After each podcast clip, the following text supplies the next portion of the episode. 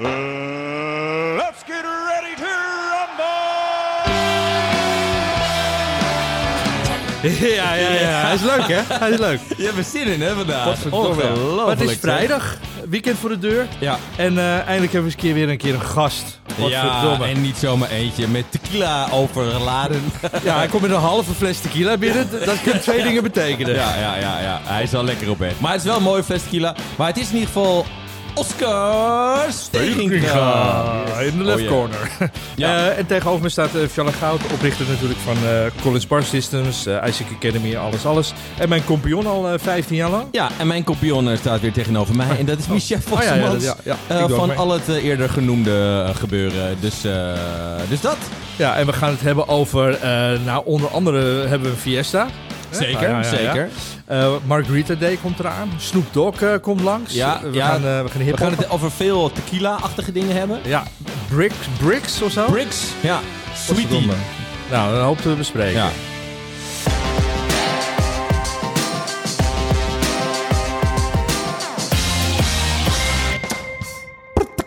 Zo, ja.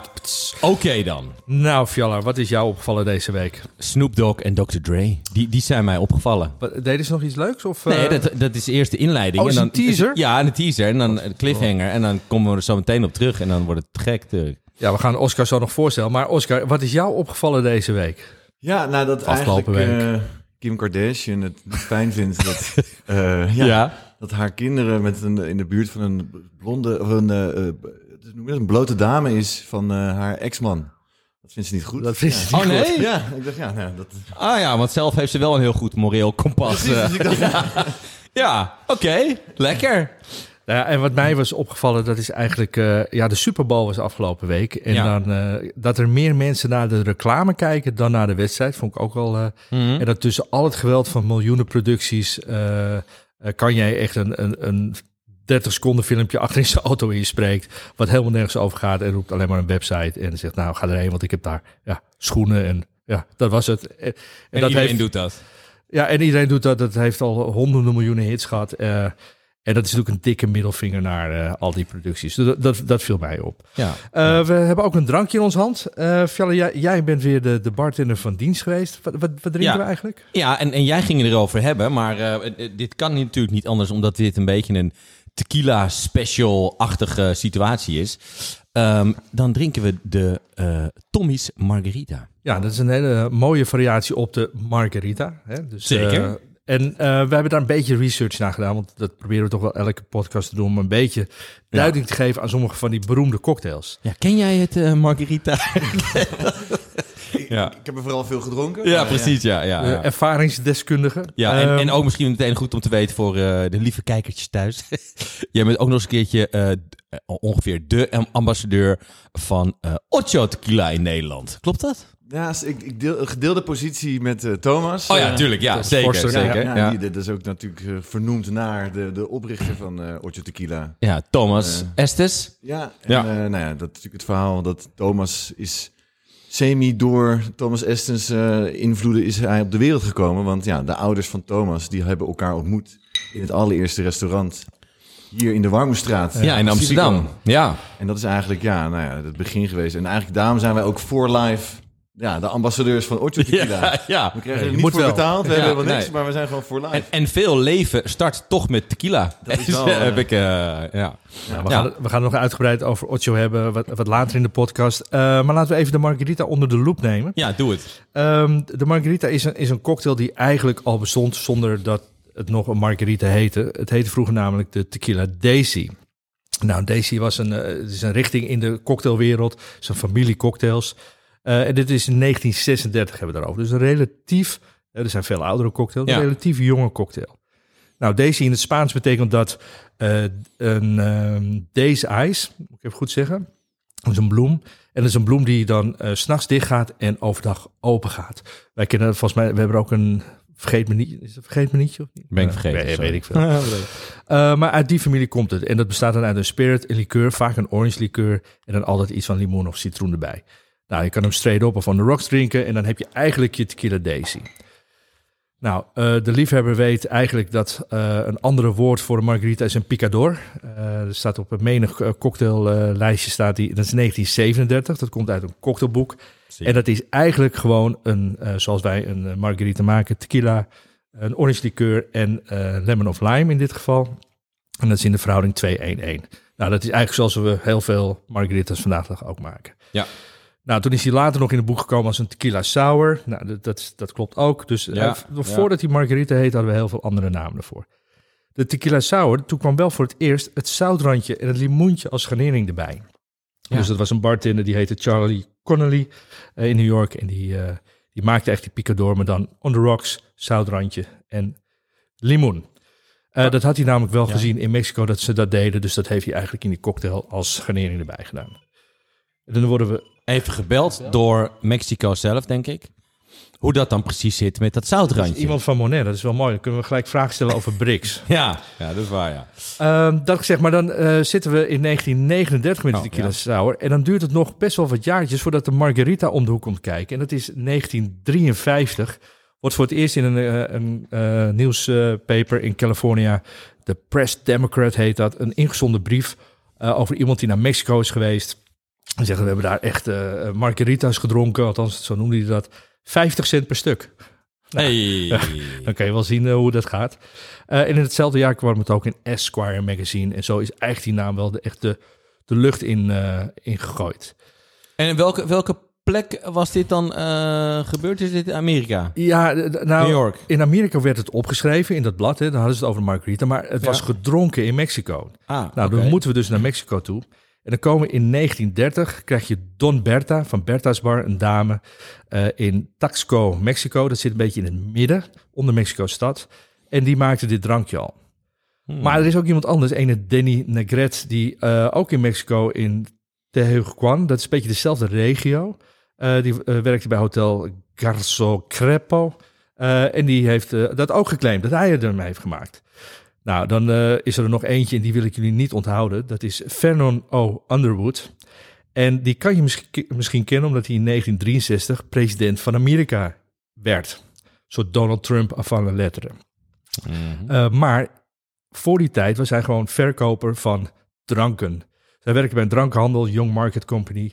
En die hadden onder andere als eerste José Guervo in hun uh, portfolio. Oké. En hij liep daar eigenlijk uh, mee uh, de straten af en verkocht dat. Um, maar dat, dat werd zo populair door die Margarita. Dat, dat, uh, dat bedrijf, dat het grootste speerbedrijf in Amerika. Um, en alle lokale bartenders die maakten die cocktail. En zo werd het groter en groter en groter. En dat is eigenlijk de reden geweest waarom dat John Market Company de grootste spirit distributeur van Amerika werd in die tijd. Dus allemaal door die, die Margarita. Uh, en het grappige is natuurlijk dat die man later dan gewoon president van Amerika wordt. Toch? Oh, ja, zeker. Ja. Donald Trump heeft ook een Trump-vodka. Dus dat voorspelt ja, uh, niet gouden, goeds voor... Uh, op, ja. Um, maar het, het, versterkt elkaar ook een beetje. Dus die, die, die company die gaat allemaal advertenties plaatsen over de Margarita en over Guervo. Guervo doet het ook. Dus dat drankje, dat wordt eigenlijk de hero drink van Guervo. En zo uh, wordt eigenlijk die Margarita populair en Guervo populair. Dus dat helpt elkaar heel erg. Ja. Dus dat is heel snel in een, in een sneltreinvaart de Margarita. Uh, er is nog wel een discussie over hoe je hem nou eigenlijk het lekker smaakt. Dat zijn de verhoudingen. Dus je hebt de zogenaamde 3-2-1. Dus drie delen tequila, twee delen uh, orange liqueur, wat dan ook Cointreau of iets, triple sec en dan een half deel uh, limoensap. Um, of 2-1-1, half-half. Daar zijn wel wat discussies over. En dat was eigenlijk mijn vraag een beetje aan jullie. Heb je een favoriete verhouding? Dat je denkt, nou, zo maak ik hem het liefst. Of doe je lemon en lime door elkaar? Dat zie je ook wel in veel recepten gebeuren. Uh, jij als uh, ervaringsdeskundige, Oscar, ja, wat is jouw ja. favoriete... Je komt ook net terug uit uh, Mexico, ja. dus... Dit is echt nee, iets voor is, jou. Uh, voor mij is echt uh, 2-1-1 is wel echt de standaard. Ja. Wat ik eigenlijk al die jaren al ja. uh, heb geleerd. En ook omdat ik het gevoel heb dat het een beetje gebaseerd is op al die cocktails rond die periode die vaak 2-1-1 zijn. Ja. ja. En het is ook wel lekker makkelijk voor al je bartenders. Precies. ja. ja. ja. En, en uh, is, is de, je, je Tommy's, is die ook 2-1-1? Nee, nee, nee. Die is dan weer 30-25. Dus 30 limoen, 25. Oh ja? ja. Ah, ja, ja, ja. ja, ja. Wat, voor de duidelijkheid, een Tommy's Margarita, nu we het toch over die Margarita hebben, dat, dat is een variatie op de nou, classic uh, Margarita. Ja. Uh, waarbij we het zoet, wat in uh, dit geval de orange liqueur is, vervangen door een agave siroop. Ja, vaak Eh, is het Cointreau of, of een triple sec in ieder geval. En nu gaan we naar een agave. En, en, maar waarom zou je dat doen? Wat, wat, wat is dat voordeel daar, daarvan? Nou ja, zo- zoals ik het verhaal ken, en misschien kan je daar zeker op eh, aanvullen, is eh, Julio Bermejo, die was een beetje op een soort met van eh, crusade, dat hij heel graag ehm, tequila wou laten proeven aan de wereld zoals tequila bedoeld was. En dat was eigenlijk een 100% agave tequila. Ja. En ehm, ehm, hij dacht van ja, hoe kunnen we nou eigenlijk die agave nog meer boosten in dit drankje? Eh, en dan moeten we het niet zeg maar gaan eh, zoeten met een, eh nou ja, een sinaasappellikeur. Maar dan kunnen we beter misschien zoeten met he- het product waar tequila ook van gemaakt is. En dat werd toen agave. Eh agave siroop. Wat overigens op dat moment eh, relatief moeilijk te verkrijgen was. Maar nog steeds wel goedkoper was dan de eh liqueur. Ehm, en dat is volgens mij een klein beetje het begin geweest van eh Thomas. Zeg ik dat goed ongeveer? Ja, zijn ouders hadden een restaurant, dat heette Tommy's. Hè? Dus dat, Ja, zo, da- daarna is het ja. vernoemd inderdaad. Maar hij was in ieder geval een heel groot voorstander van 100% agave eh, eh, tequila's. En hij wou dat ook echt laten terugproeven in, eh, in zijn margarita's. En vandaar dat deze zoetstof erin is. Hij vond het ook wel een beetje een bartendersdrankje. Dus veel klassieke margarita's, die shake je en fine strain je altijd mooi in een koepje of in een, weet ik veel, of een, een echt tequila glas. Zo'n sombrerootje, die, die zie je nog maar heel zelden trouwens in, in eh, eh, tequila barretjes. Ehm, en hij deed gewoon on the rocks, in een rocks glas. En eh, hij shake, er is een mooi filmpje op YouTube. een daar, linkje in de show notes doen. ja, daar zie je hem ook shaken gewoon in een blender. Dus eerst gooit hij alles in de blender en dan iedereen denkt van... oh shit, gaat hij hem blenden? Nee, maar dan shake hij hem in. En, en zeker ook een onderwerp waar zo meteen terug op komen. Want dan kan je namelijk veel meer cocktails in één cup maken. Dus dat was zijn reden. Ja, lekker. Heb jij nog eh, wat, eh, wat Tommy's Margaritas ook gedronken in Mexico? Of, of kennen ze dat daar niet? En het is natuurlijk ook gewoon eh, in eh, nou, een van onze horecazaken de, de hardloper. En nou ja, daar shaken we hem niet. Dat is, bij ons is hij frozen. Ja, En nou ja, het is eigenlijk voor ons heel relaxed altijd om te maken en om te verkopen. Want ja, als wij 100 man in die zaak hebben, we hebben gewoon precies weet je, 100% agave tequila, agave siroop. En wat altijd voor een horeca eigenlijk heel fijn is, water. Je gooit gewoon water erbij. ja. Dus nou je winstmarge wordt al wat beter. hoppa. Ja. Nou ja, en dan is het hup, tappen en gaan. En dat Ja. is eigenlijk, en dat, het is een levensgevaarlijk lekker drankje. Ja, zeker. Zeker. We hebben daar veel van, eh, eh, want wij kennen elkaar eh, al veel, veel langer. Daar gaan we zeker zo meteen over spraken. Maar in eh, Vesper hadden we eigenlijk altijd wel ergens een Tommy's eh, staan. Als, ja. ja, dit was, eh, waren mooie tijden. Waren dat. Dankjewel Daan. En, eh, Hey, muziekje in het. Ja, we zijn een Ah, gezellige, gezellige geworden.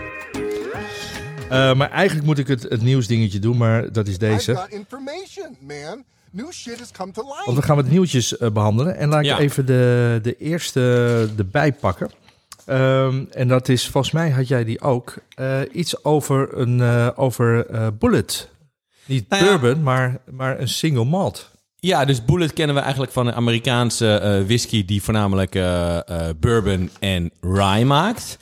Ehm, en daar hebben ze ook nog een, een geëeste variant van. En die komen nu met een single malt inderdaad op de markt.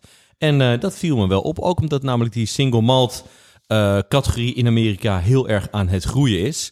En eh, nou ja, dat, eh, dat zag ik zo. Ehm 100% eh eh, malted barley is van gemaakt op eh 65%, nee sorry, v- eh 45% eh, alcohol en kost eh 60 dollar. Ja, en hij is, eh, dan eh, wordt hij geëzen natuurlijk op nieuw, nieuw Amerikaanse eikenhout. Dus dat krijgt toch die, die soort die bourbon vibe Ja, krijg je toch Heel wel veel erbij. v- vanille Ja. eh, boost krijg je door een beetje kokos en dat soort zaken. Ja, En, ehm, maar het is wel zo dat die single malt categorie, die is nog niet officieel. Hè? Dus eh, veel maken al, maar er moet nog wetgeving komen wat het nou precies is en waar je moet ja er zijn al wel wat regels. Daar hebben we het vorige keer ook een klein beetje over gehad. Dus een van de dingen natuurlijk die je bij de normale single malt categorie, bijvoorbeeld in Schotland, is wel helemaal gedefinieerd hoe oud iets moet zijn. En eh, dat kan je ook makkelijk doen, omdat Schotland namelijk verrekte klein is en het klimaat ongeveer overal hetzelfde. Maar ga je naar eh, Amerika, ja, dat is best wel even een dingetje. Omdat bij eh, de, de ene kant van eh, Amerika kan het ongeveer vriezen en sneeuwen. En aan de andere kant schijnt de zon en is het takken heet. Dus ga daar maar eens wetgeving maken als het gaat om age statements bijvoorbeeld. Dus dat, maar ja, dat, dat zal er toch zeker aankomen. Ander nieuwtje is opening van de, of de reopening, de heropening van de Bos Academie. Ja. Ehm, we waren uitgenodigd. Eh, Ik was volgens mij als enige daar. Ben jij nog geweest, Oscar, of niet? Nee, ik heb geen Nee. uitnodiging Oh, ontvangen. Ik ook niet. Ik ook niet. Oh, Al- schandalig. Als ze, als ze maar geen ready-to-drinks maken, dan is het allemaal goed. Yogurt Ja, lu- luister even de, de, eh, espresso martini eh, pre-batched eh, variant even terug. Ja, het, het was wel een, eh, was wel mooi. eh, ze hebben het mooi verbouwd. Het was, eh, nou, ieder- ik denk dat je er misschien wel een keer bent geweest, maar het was een soort wit en blauwe, hele steriele omgeving. Eh, voor die tijd, 15, 13 jaar geleden, was dat eh, prima, maar nu is het veel warmer. eh, dus het, ze hebben het mooi gedaan. En we werden daar uitgenodigd. En ik, ik kreeg toen ik wegging, kreeg ik een goodiebag. En er zat een hele mooie bomberjack in van een of ander duur merk. Ja. Eh, ik denk, oh, dat is cool. Weet je, een jasje is altijd. eh, maar er stond een heel groot aan de Bols Academie achterop. En ik Oh. denk, ja, ik kan Maar dan kan je toch een eh, streep doordoen dan aan academie en een ijs. Ja, dat gaan we doen. Vet tof. Dus, maar ik dacht, misschien is het wel een leuk eh, om weg te geven voor een prijsvraag of zo. Ik, eh, Maar het is echt een, het is wel een mooie jas. Ja. Ehm, ander nieuwtje, en dat is eigenlijk een beetje jammer, want eh, we kregen links en rechts al wat vragen van bartenders van, hey, hoe zit het nou met World Class? Elk jaar eh, wordt het georganiseerd. ja. Eh, geen World Class dit jaar. Nee, voor Nee. de eerste keer sinds, even kijken, 12 jaar of zo. Ja, en, en jij als eh, best hel? presterende nog steeds Krijgen we dit weer. oud winnaar en ook, nou ja, het is toch Ja, ik zo. ben wel oud, dat klopt, ja. Die, die foto blijft terugkomen, hè? Ja. jou, hè? Heel jammer dit, ja. Nou ja, Western Europe eh, best scorend, dus hè, daar mag je best trots op zijn. Maar vind je het jammer dat die wedstrijd weg is? Is het logisch? Is het, eh, de, de rest van de wereld doet het namelijk wel. Het is alleen Northern Europe wat het niet doet. Ik, ik, laat ik zo zeggen, ik hoop dat dit een kleine vergissing is geweest binnen de eh, interne structuur en dat die er volgend jaar gewoon weer is. Dat, eh, eh, eh, laat ik zo zeggen, het is toch de, de, de wedstrijd die je als bartender, als je gewoon heel serieus met bartending bezig bent, ja, is dit toch de Champions League? En die wil je dan, nou ja, als je competitief bent, wil je dit winnen. En dan, ja, dus zonde dat die weg is. Ja, en het is toch ook wel raar, want het hoofdkantoor Diageo zit... nou, er zit er eentje in, in Amsterdam en er zit er eentje natuurlijk in België. Nou, allebei die landen doen dus niet mee. Ja, nog een aantal Noordic landen die niet meedoen. Zonde. Ja, dat is echt, echt zonde. Terwijl de winnaar van vorig jaar kwam ook in de Nordics. Ja. Eh, eh, ja dus, Heb, je, heb jij mensen uit eh, jouw eh, eh, stal, zeg maar, die daar aan mee hebben gedaan in de afgelopen eh, zoveel tijd? Nee, nee, nee. nee. Nee? Wel, wel vroeger hebben we natuurlijk zelf meegedaan. En eh, Thomas heeft ook meegedaan. En Ja. eh, het was echt, wat je zegt, de Champions League onder de, de cocktailwedstrijden. Ja. En, eh, het was juist ook heel leuk om iedereen weer te zien en samen te komen. En de nieuwste dingen te zien. Het was echt een show. Ja, Ja, het is, ik denk dat het zeker zonde is dat ze dat eh, niet doen. ja, Ja. ja, Maar ja, er zal vast wel een goede reden voor zijn. We hebben natuurlijk onlangs ook een nieuw contract met die... Nee, ja. ja. An- ah, ander nieuwtje. ja, ja doe, maar, doe maar snel door. Eh, maar dat hebben mensen wel gezien. Maar ik zal ook nog even een linkje van eh, in de show notes stoppen. Eh Fallon, die, die, de, de host, eh, wat is zijn voornaam? Jim, Jim, Jim Fallon. Nee, wat? Oh. Die Jim Fallon. Meneer Vellen gewoon. Meneer Vellen. Ja, Nou, die doet in ieder geval een, eh, een sketch waar hij een eh, hipster bartender nadoet. En eh, als je maar een, een dranken of cocktail Insta volgt, dan heb je hem wel zien langskomen. Dus die zal ik even aan het einde eraan vastplakken. Kun je die luisteren. En je had ook nog een nieuwtje over Snoop Dogg, zomaar uh, viel uit het niets. ja Snoop Dogg inderdaad, want dat zag ik zomaar in één keer voorbij komen. Ehm, ehm, en het, het toffe zou zijn als je hier even meteen dat jingletje, ik weet niet of je dat jingletje Nee. hebt, nou, dat is jammer, dat kan je dan later in postproductie erbij eh, doen. Kan. Maar eh, Dr. Dre en Snoop Dogg, die eh, komen alle twee uit met een nieuwe ready-to-drink blikje. En daar hebben ze een aantal smaken, citrus, meloen, passion fruit en abrikoos. En hoe heet dat blikje natuurlijk? Ja, eh, gin and juice. Gin and juice. Gin and juice. En dat vond ik, eh, dat vond ik leuk. En eh, Dr. Dre zei, Together we always try to create magic. Ja, het grappige is, volgens mij is dat gin and juice verhaal, dat die, de moeder van Snoop Dogg altijd een bepaald soort hele goedkope juice uit zo'n zo'n gallon pak dronk. Ja. Dat ze daar altijd een scheutje gin bij deed. En daar is dat nummer volgens mij ontstaan. Ja, en, en wat wel overigens, want je had het net over de Super Bowl. Want ze hebben namelijk stiekem dit product gelanceerd eh, met z'n tweeën op, eh, op, tijdens de Super Bowl. De af, maar dan de afterparty. Oh ja, waar, geschoten werd die? Ja, dat, dat weet ik niet. Dat Oh. zou, dat zou Gevoelig onderwerp. Ehm, ander nieuwtje, het is natuurlijk eh, het 22 februari Margarita Day. Vandaar dat we ook eh, vandaag eh, wat meer over de Margarita en tequila hebben. Eh, er komt een hele coole eh, eh, masterclass aan van Michters. Eh, met de distiller. Eh, wij krijgen hem ook in de podcast over twee weekjes volgens mij. Hè? Ja, ja. Die opnemen. En aankomende donderdag zitten wij in Groningen, of vrijdag zitten wij in Groningen, Fjallar. Ja, zeker. Wat gaan we dan doen eigenlijk? Want dat heb jij geregeld. Nou, we- gaan daar eh, ehm, eh, de verboden vruchten van Groningen gaan we daar eh, nuttigen. Nee, we gaan naar de heropening van Cilinder. Ja, Ehm, en de, de heren van de Boilermakers Club, die maken daar een beetje steeds groter de dienst uit in, in Groningen met al hun ondernemingen. En ze vonden dat hun eerste zeg maar, lancering, die zeiden van ja, dat, dat was allemaal goed, maar om de puntjes op de i te zetten, hebben ze nog een crowdfunding campagne opgestart. En eh, daar hebben ze van allerlei nieuw meubilair en van allerlei nieuwe interieurachtige dingen. Eh, en daar hebben wij toen eh, wat geld aan. wij gaan het vrijdag gaan wij even. Dus dat gaan we even terughalen. Ja, mooi. Ja. Ah, dit is jouw, jouw segment. Sn- sneller dan snel.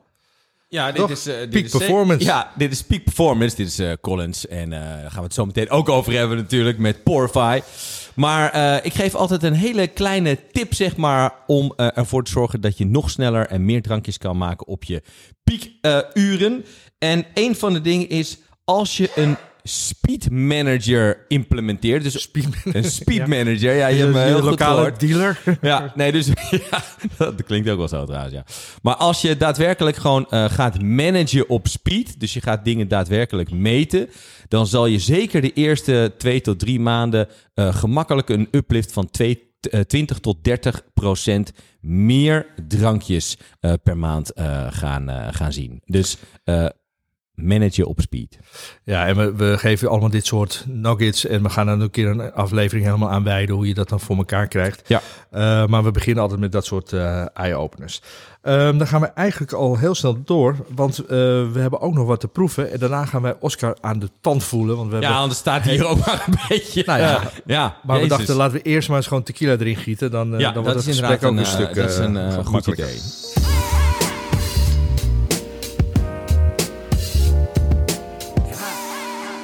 Hey, we hebben hier voor ons een prachtig mooie fles, een single estate tequila ocho. Nou, 100% agave natuurlijk, extra anejo. Eh, dus meer dan drie jaar eh, op hout gelegen, kleine vaten. Eh, wa- 2008 zie ik, dus het is een vintage. Ja. Eh, vertel Maar waarom deze Ja. fles, eh, Oscar? Ook omdat ik deze fles die heb ik ooit gekregen, nog van eh, nou, de oprichter, eh, eh, de Thomas Estens. Ja. En ja, ik vond het toch wel een bijzonder moment. En ik was, nou, ik vond het superleuk om deze uitnodiging te krijgen. En een speciaal moment eh, om even deze tequila dan te nuttigen. Ja. Ja, hij staat natuurlijk vaak in de kast en dan durf ik hem niet te pakken. Ja. ja. want als je hem eenmaal pakt, dan, Ja, eh, ben je dan- vaak de lul, ja. Precies. En ik dacht, nou, dit is eh, een perfect moment eh, ervoor. Ja. Ja, ja, Thomas Estes is een aantal jaar geleden overleden. Hij was eh, ja, een soort, nou niet soort, hij was global ambassadeur voor niet eens zozeer Ocho, maar voor tequila. Ja. Eh, Hij was de, de Europese eh, ambassadeur, Ja, volgens de- mij. hij deed dat samen met Julio Bermejo. eh, gingen ze eigenlijk de hele wereld over om mensen eh, de categorie te laten waarderen. En ook mijn eerste tastings eh, kreeg ik van en Julio eh, en van Thomas. Eh, ja, dat is echt, eh, dat, dat was heel bijzonder om voor het eerst goede tequila te proeven en het verhaal erachter te horen. En ik denk dat dat de reden is waarom zeker bartenders dit nog steeds enorm gewoon eh, omarmd hebben, die, die 100% agave tequila's. Ja. Eh, en dan mooi dat we zo'n bijzondere fles hebben. Eh, Mag je op? Of, eh? Ja, ja, ja, zeker, zeker. Laten we ervoor gaan. Ja, ik, ik, ik ken dat wel, want ik heb ook van die flessen dat ik denk, ja, het is zo- zonde om aan je schoonmoeder te geven. Hè? Dus dat, dat doe je ook nog niet. Eh, En om je eentje te drinken dus, is ook... en weer- zoveel vrienden heb ik ook weer niet.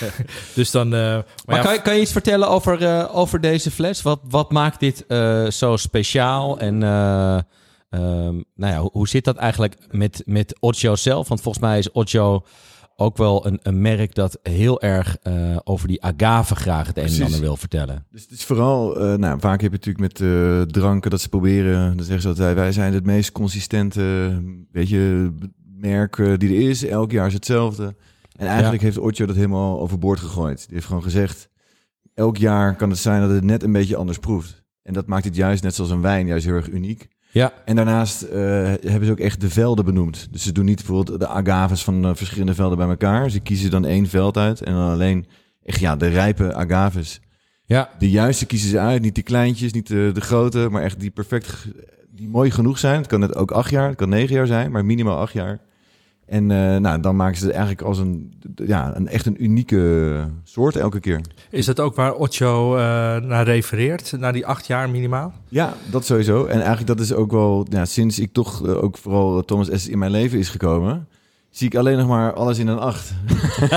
dus ik moet ook altijd acht kiezen met alles wat ik doe. Dan denk ik, oh ja, dat, is, dat blijft maar terugkomen. Acht Ja, is natuurlijk ook het teken van infinity, hè? Dus het Precies, is en geluk. soort- ja, en, eh, ja, ja. Dat is... eh, Jou- jouw, jouw Mexicaanse bar slash restaurant, eh, hoe heet die eigenlijk? die heet ook je, Het blijft achtervolgen. Ja, ja, ja, ja, ja Die, precies, ja.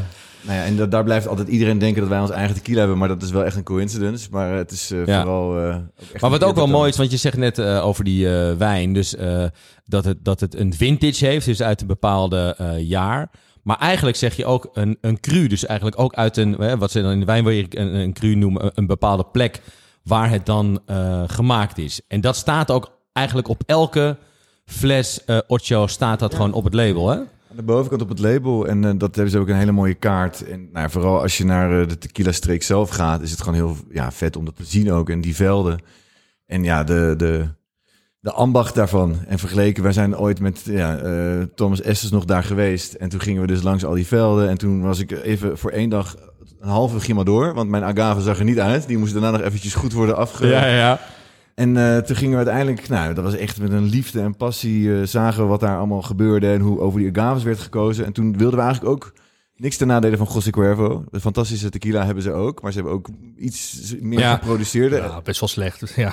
Maar ze hebben de José Cuervo da Familia is wel Ja. weer een lekkere. Alleen toen zagen we hoe ze toch al die liters er doorheen kunnen pompen. En toen zagen we echt, eh, want ja, we gingen toen naar de distillerij, hoe de vrachtwagens aankwamen en dan de agaves met nou ja, de takken nog ertussen van eh, de bomen die eromheen lagen, werden zo hup gekukeld in eh, de oven. En dat heette de hum- humidator. Ik, eh, ik ben even die naam kwijt, maar dat werd het gewoon wat eigenlijk normaal, dat zeggen drie dagen kan duren. Met in de oven deden zij eigenlijk in Ja. ja. drie kwartier. Ja. Ja, ja, ja, ja, ja, ja. Dat, ja, dat zorgde voor het Ja, scherpe je hebt die hele grote autoclaaf eh, jongens, zeg maar. Nou, dat is, dat is al een versnelde eh, situatie als de, de, volgens mij de echte hornos. Hè. Volgens mij worden daar normaal gedaan. En dan heb je eh, de meest vreselijke eh, manier. Daar zaten we een keertje, hoe heet het, meneer uit Rotterdam een keertje over Ja. moeten laten losstaan. David, ja. David. en dat is eigenlijk de manier om alle suikers via chemische weg eigenlijk eruit te krijgen. Ja.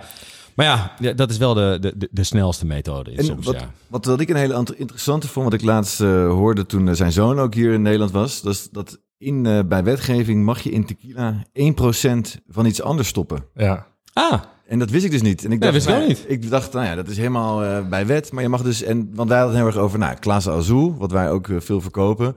Maar waar wij van denken, van, ja, hoe kan het nou bijna een soort van suiker, weet je, heel zoetig proeven. Terwijl dat ja, heel uniek is. En nou, hij vertelde, omdat je dus bij wet mag je 1%, ja. ik weet niet wat het is, misschien heel veel agavesiroop of... eh, Additieven toevoegen aan Ja. de tequila. en dat is toch, ja, Ja. dat heeft best wel een invloed. Ja, laten we, laten we even du- duidelijk zitten. Ocho doet het echt allemaal op de, de mooie manier. Hè? De- en, eh, en zeker niet de snelste route, maar die snelste route, eh, we hebben het daar wel eens eerder over gehad. Ehm, dat zorgt voor zo'n vervelende bijsmaak aan je, van, je, van je eindproduct. Dat ze dat door eigenlijk een kolom stil moeten halen om gewoon die bijsmaak die, eruit te halen. Waardoor die er bijna neutraal uitkomt. En dan heb je later die, die additieven, die 1%. Dat ze letterlijk een soort tequila smaak toevoegen om het weer een beetje op tequila te laten lijken. Ja. Nou, dan ben je wel heel ver van wat tequila kan zijn of moet zijn. Eh, dus daarom ben ik wel blij. Extra nego, je, dat hout, dat proef je er ook echt wel doorheen. Eh, je ruikt ja, hem ook. dat is eh, proeven inderdaad, ja. Ik denk ook dat als je kijkt naar het verschil tussen bijvoorbeeld een reposado en een anejo, dat zijn ook de, de, de grootte van de vaten. De vaten worden veel kleiner bij een anejo en een extra anejo. Mhm. Dus de invloed van het hout wordt nog groter. Ehm, dus ja, als je een beetje van het hout hout, hout houdt, dan eh, is dit echt fantastisch. Ja, dit is wel een, ehm, een, een zipping, laat ik het zo zeggen. Tuurlijk, iedereen mag eh, doen wat hij wil eh, met hun tequila, wat ze willen doen. Maar ehm, eh, tuurlijk kan je hier een margarita van maken. En ik denk ook dat dat heel erg lekker, lekker is. Eh, maar deze gewoon puur in glaasje, denk Ja. ik, eh, vind ik ook wel heel erg eh, fijn. Wat ik Hey. wel altijd leuk vond trouwens van Ocho is dat jullie... je kan heel veel vertellen over Ocho. Het is prachtig gemaakt, weet je. Alles klopt. Maar jullie proberen het ook niet te ingewikkeld te maken. Dus de, de, de leus eh no ocho, no fiesta. Ja, Ja. Daar gaat het uiteindelijk om, toch? Ja, ja. ik, ik vind het ook mooi, weet je. Want uiteindelijk kunnen we heel lang lullen. En dat doen we ook vaak te, te lang over hoe mooi. En, en dan zitten we het op kamertemperatuur een beetje te ruiken en te proeven. Terwijl ja, Beetje tof te doen. ja je moet het er ook gewoon drinken eh, Ja. voor de gezelligheid. Ja, Ja, nee, zeker. En veel mensen vergeten dat. En dat vond ik juist het mooie met nou ja, de, oprichter, die was zo. Zijn Ja. hele leven was Ja. zo. En eh, Ja. Wat vind je trouwens van, eh, dat is een klein eh, naar een ander merk, maar eh, je hebt Mr. Matthew Mc- McConaughey. oh, joh. Daar lijkt je trouwens een beetje op in de verte, ja. maar dat zeiden. Na een halve Alright, fles. alright. Ja, nou een beetje tequila. Maar die is, eh, die is nu met eh, Los Pantalones eh, bezig. Heb je die al toevallig Nee. mogen proberen? maar voor mij is het een beetje, als jij eh, ja, een beetje toch heel erg bekend aan het worden bent, dan hoort het wel in jouw dingetje dat je ook een tequila merk moet Ja, dat starten. hoort erbij tegenwoordig. Ja, dat, is wel, dat is wel Je waar. moet iets met kleding doen, je moet een tequila-merk Ja. hebben Ja, en ja. een sportdrankje of zoiets. Dat, eh, Precies. Hey, laatste dingetje over deze fles. Want je zei toen net in je inleiding, eh, deze is wat hier ook nog wel geinig aan is, is deze, deze is ook uit 2008. Breed. 2008. Ja, en dat was het. Want daar gaan Het we- jaar van de, Ja, de economische crisis natuurlijk. Ja. Nou ja en eh, we zijn natuurlijk nu al flink wat jaren verder. En we zijn daar uitgekomen ja, uit die ene economische crisis. En daar hebben we heel veel van genoten. En eh, ja. nou ja, het was een mooie tijd. En nou ja, natuurlijk afgelopen jaar, twee jaar, drie jaar zijn natuurlijk uitdagende jaren geweest. En eigenlijk had ik, vond ik het ook wel mooi iets van, hey, we proeven... We, we proefden hoe het toen proeft. En, nou ja, Ja. nu kan je het weer een beetje van... Hey, het komt- Smaakt het hetzelfde? ja, en het komt ook wel weer goed. Ik bedoel, weet je, het gaat altijd heen en weer, naar boven en naar beneden. En eh, nou ja, ik, het komt wel weer naar boven. ik, eh, ik word helemaal emotioneel hier. Goed, hè? Holy shit. Holy shit. Hey, eh, Oscar, we gaan het even over jou hebben. Ja, laten we dat eens doen. Ehm, nou, we, Fjaller heeft al een hele lijst met vragen, maar laat ik even beginnen met een kleine, kleine introductie. Eh, je bent ooit begonnen op de hotelschool, hè? Den Haag, geloof ik. Ja, Eh, vestiging Amsterdam. ook afgemaakt, hè, geloof ja, ik. Ja, wel zo- zes en een half jaar over gedaan, maar Maar hè, wel afgemaakt. nie- niemand die daarnaar vraagt. Eh, je hebt eh, in een restaurantje gewerkt, La Garage, eh, zag ik zelfs. Je hebt in het buitenland gewerkt, Martinique. Een beetje op het strand liggen en dan s'avonds een beetje cocktails maken. Moet ik dat zoiets Ja, voorstellen? nou, nee, ik was echt. eh, ik mocht eigenlijk alleen maar de borden van A naar B brengen. En dan was daar de, van de, de, de Dat is wel keuken. belangrijk. Ja, en dan wel pakte de chef de rang, die pakte dan de borden van mij over. En dat was mijn Ah, ja. En die, eerste. en die mag het dan uitserveren, toch? exact. En dat Daar heb ik tegenwoordig robots voor. Ja, nou, dat, Ja. Eh, en daarna ben jij zelf chef de rang, volgens mij. ja toen Ja. ben ik eh, zelf helemaal eh, de bediening gegaan. En toen, om inderdaad bij Le Garage, begon ik als barman. En dat is eigenlijk wel een, een leuk verhaal. Want ik werk, nou, ik kom uit Rotterdam en toen heb ik ooit een catering eh, gedaan. Toen was, toen was ik, hey, kan je eh, mojito's maken? Ik zeg, nou, geen idee hoe dat moet, maar eh, laat maar zien. Nou, dus ik mojito maken. Nou, en eh, dat, dat kon ik doen. Dat had ik, ik veel 200 mojito's gemaakt. En toen kwam ik in Amsterdam om te studeren. En nou, toen eh, was ik op zoek naar een baan. En toen zag ik, eh, oh, eh, Le Garage. nou, die zochten een cocktail shaker. En ik zei, nou, ja, natuurlijk kan ik dat. Ik heb eh, Ik mojito's heb gemaakt. mojito's gemaakt. Ja. Ja, Dus ik kwam daar gewoon met een goed verhaal. Nou, toen heb ik daar toch een half jaar gewerkt. En eh, toen kwam er een moment dat inderdaad, ja, de, de, de, de, die nu overleden Jo Braakhekker, die Ja, wat zeg je ja? aan de bar en die zei, eh, eh, kan je een dry martini maken? Dus ik zo, ja, natuurlijk. eh. Dus toen, ja, toen was er wel een smartphone, die was een stuk groter dan nu. Dus ik googelde, Ja. Wat is een dry martini? Wat zit er nou eigenlijk in? En toen zag ik dat het woord dirty was. Dus ik dacht, nou, oké, eh, dirty, daar zit dus olijfsap in. Nou, en ik natuurlijk zoeken. Dus ik zeg, oh ja, wil je hem dirty hebben? Ja, nee, doe maar dirty. Nou, dus ik zoek, zoek, zoeken naar olijfsap, olijfsap, olijfsap. Ja, kon ik niet vinden. Maar naast mij was een keuken. En ik was altijd al heel slecht in scheikunde. Dus ik pakte olijfolie. Ik ging olijfolie shaken met, nou ja, van alles en nog wat. Met crushed ice. Ik deed eigenlijk alles wat fout was. En ik Ja. shakede dat en ik schonk het voor hem in. En toen, hup, kwamen er twee lagen op elkaar te liggen. En dat, dat was Layers, mijn laatste, ja, dat was mijn laatste werkdag ook gelijk. Oh, serieus? Ja. Ben je daardoor ontslagen? Ja, de dag daarna, ik werd, mij niet meer, ik werd niet meer ingeroosterd. Dat je Ja. niet? Wauw. En toen dacht ik, Ja. nou, toen ben ik inderdaad gaan Laat ik een cocktailbar beginnen. dacht ik. Toen ben ik gaan solliciteren bij de Fabulous Shaker Boys. En eh, Ja. nou, en toen heb ik eh, onder andere The rest is history. Ja. dus toen leerde ik het wel hoe het echt moest. Wauw. Dus ik zeg dit ook altijd tegen trainingen die ik dan geef bij ons intern. Van ja, als je dingen niet weet, ga alsjeblieft niet zeggen dat je het wel weet. want- Nee. Ja, Dat komt Ja. Joop Braakhakker Ja. langs. Ja. Dat kan niet meer, maar ja. Het is nu ook failliet, maar Ja. nee. Ja, had hij toch. Ja. Ik- ja, het, is, het is wel herkenbaar, want ik, weet wel, toen ik begon, toen kende niemand echt cocktails. Dus als je dan een foutje maakte, ja, eh, de mensen dachten dat het wel zo hoorde of zo. En, eh, maar tegenwoordig, ja, als het niet goed is, krijg je het natuurlijk terug. Eh, dus ja, je, je, je, moet- je, Je moet zeker niet dingen doen alsof je ze kent. Ehm, maar ja, eh, daarna ehm, ben je allemaal eh, ben je gaan ondernemen. Ja, Begon met snappers, hè? Ja, één zaak, eerste zaak Nou, we, geopend. we, we, we- bij Vesper nog, vergeten, ja, ik Ja, Vesper, zeggen. ja. Nee, daar Dus dat allemaal Shaker Boys, Vesper. Nou, daar hebben we nog best wel Ja. vaak eh, met z'n tweeën achter de bar gestaan. En soms wel met z'n drieën zelfs wel eens. Ja, ik, ik, Of, nou ja, goed. deed, ja, ja, jij deed net uurtje. Maar, ja. asbakken een beetje leeg en zo. Ja. En toen begon het bij... eh, Chapter 21. Chapter 21. Ja, Ja. als mijn afstudeerstage. Toen helpen op te zetten met eh Daan en Leonardo. eh, en toen was ik eh, nou, helemaal de manager. Ja. En toen na alles leren, manager van een discotheek en eh, met cocktails. Toen na anderhalf jaar, twee jaar, toen dacht ik, eh, het is tijd om het moederschip te verlaten. Ja. Maar even denken, bij, bij Chapter, wat ik me nog daarvan herinner, dat je achter de bar had je volgens mij een halve meter om te staan of Ja, zo. Dat was toch was, echt, eh, daar kon je gewoon niet... Totaal niet over nagedacht. Nee. Het was, en de volumes die we er doorheen moesten rammen was echt eh, absurd. normaal, dus ja. het was eh, Ja. een koeling aan de achterkant waar je dan met drie dozen bier door 300 man moest lopen. En eh, nee, het was een flinke uitdaging. Maar Wel goede feestjes. Precies, en ik heb juist door al die uitdagingen heel veel geleerd. Ja. We hebben ook echt wel hele spannende tijden gehad. Hoe, ja, hoe we ons moesten positioneren. En eh, nou, veel van geleerd. Maar toen dacht ik wel van ja, ik moet wel nu door met mijn leven. Ik wil Ja. andere dingen doen dan de nacht, drie nachten per week hier alleen maar eh, de manager zijn. En toen kwam eh, een, een van mijn beste vrienden, Mats, die zei, nou, die had eerst een eetcafeetje en die vond het wel interessant wat ik deed. Met cocktails, dat had hij met zijn oom en... eh, Was dat consoles? Nee, dat was in de buurt, heette dat restaurant. Ja. Bij het Leidsplein. En zei, nou, wil je niet met wij met z'n tweeën een nieuwe zaak openen met die twee andere partners? En dat was Snappers. En toen moesten we gewoon Ja. eh, volle bak met z'n tweeën eh, alleen maar eh, werken. Ja. En Maar terugverdienen dan, wat ging het, er... dan ging het toch wel helemaal los in het Snappers. Ja, ik moet zeggen, Snappers heeft verschillende identiteiten gehad. Alles wat we leerden op de hotelschool over positioneren en marketing en eh, brand values, dat Ja. was het niet. Dat was gewoon, oh, dit is eh, lachen. Laten we ook vlees op planken doen. En oh, laten we... ja. Heel erg gelachen. En nou, het was natuurlijk als, sowieso is het spannend als, als je eerste horecazaak begint met alles wat daaromheen komt. Eh, en nou ja, dat tot En ook met vier companen. Dus Ja. dat lijkt me ook wel spannend dan. Nou, eigenlijk, dat is wel, wel de hele duidelijke afspraken. Dus ja, wie, wie doet de achterkant, wie doet de voorkant, wie doet de cocktails, wie doet... Dus dan is het wat makkelijker Ja. om dat te verdelen. Als we alle vier de cocktailkaart zouden maken, dan zou het wel gedoe ja, worden. dat eh, gaat niet. alle vier met de finance, dan... eh, Ja. Maar dat heel lang eh, gedaan. En toen uiteindelijk eh, via een eh, andere weg in Arnhem beland.